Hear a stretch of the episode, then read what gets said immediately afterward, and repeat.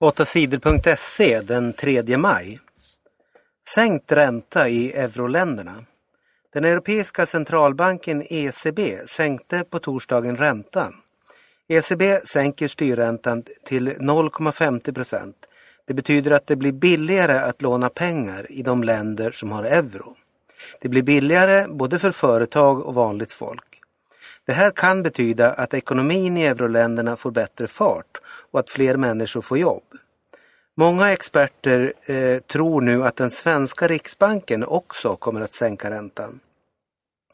LOs experter har ofta klagat på att Riksbanken har för hög ränta.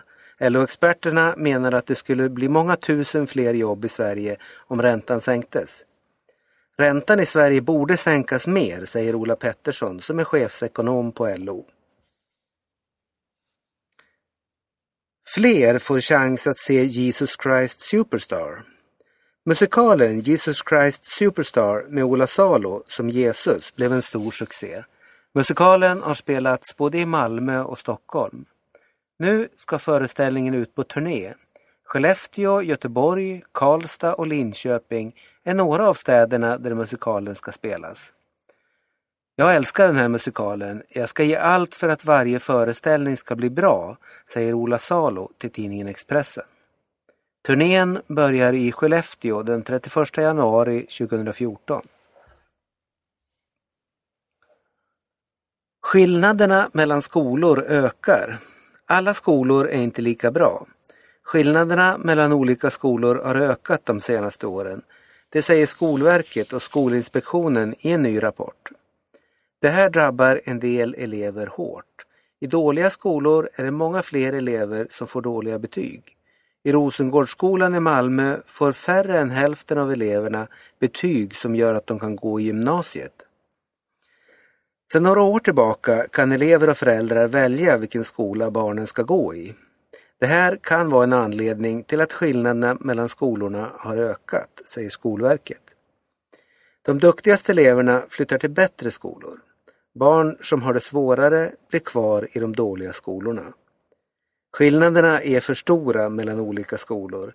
Jag vill ha en lag som tvingar kommunerna att ge mer pengar till skolor där resultaten är sämre, säger regeringens utbildningsminister Jan Björklund.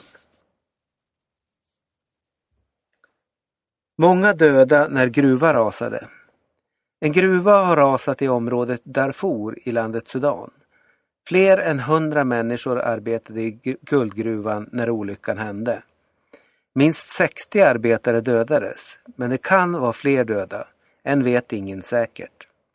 Vi vet inte hur många arbetare som fanns i gruvan när den rasade, säger Harun al-Hassan som arbetar för myndigheterna. Sudan tjänar mycket pengar på sina gruvor. Fler än 15 000 människor arbetar i gruvorna i Darfur. Men säkerheten i gruvorna är mycket dålig. Det händer ofta olyckor.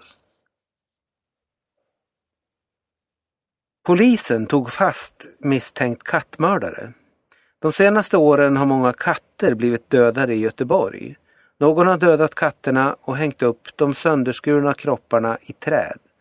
Nio katter har dödats sedan november 2011. Nu har poliserna i Göteborg tagit fast en man. Tidningen GT skriver att mannen sagt att han dödat katterna. Skolans regler bryter mot lagen. Internationella Engelska skolan i Uppsala har stränga regler för skolbarnen. De får till exempel inte använda förnamn när de pratar med sina lärare. De måste säga lärarens efternamn. Reglerna för vilka kläder eleverna ska ha är också stränga. Flickor får inte ha korta kjolar och deras bh-band får inte synas. Nu får skolan skäll av Skolverket, det säger TV4 Nyheterna.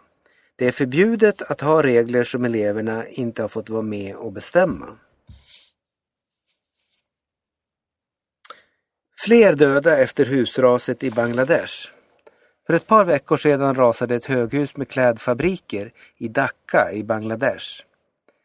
3000 arbetare fanns i huset när det rasade.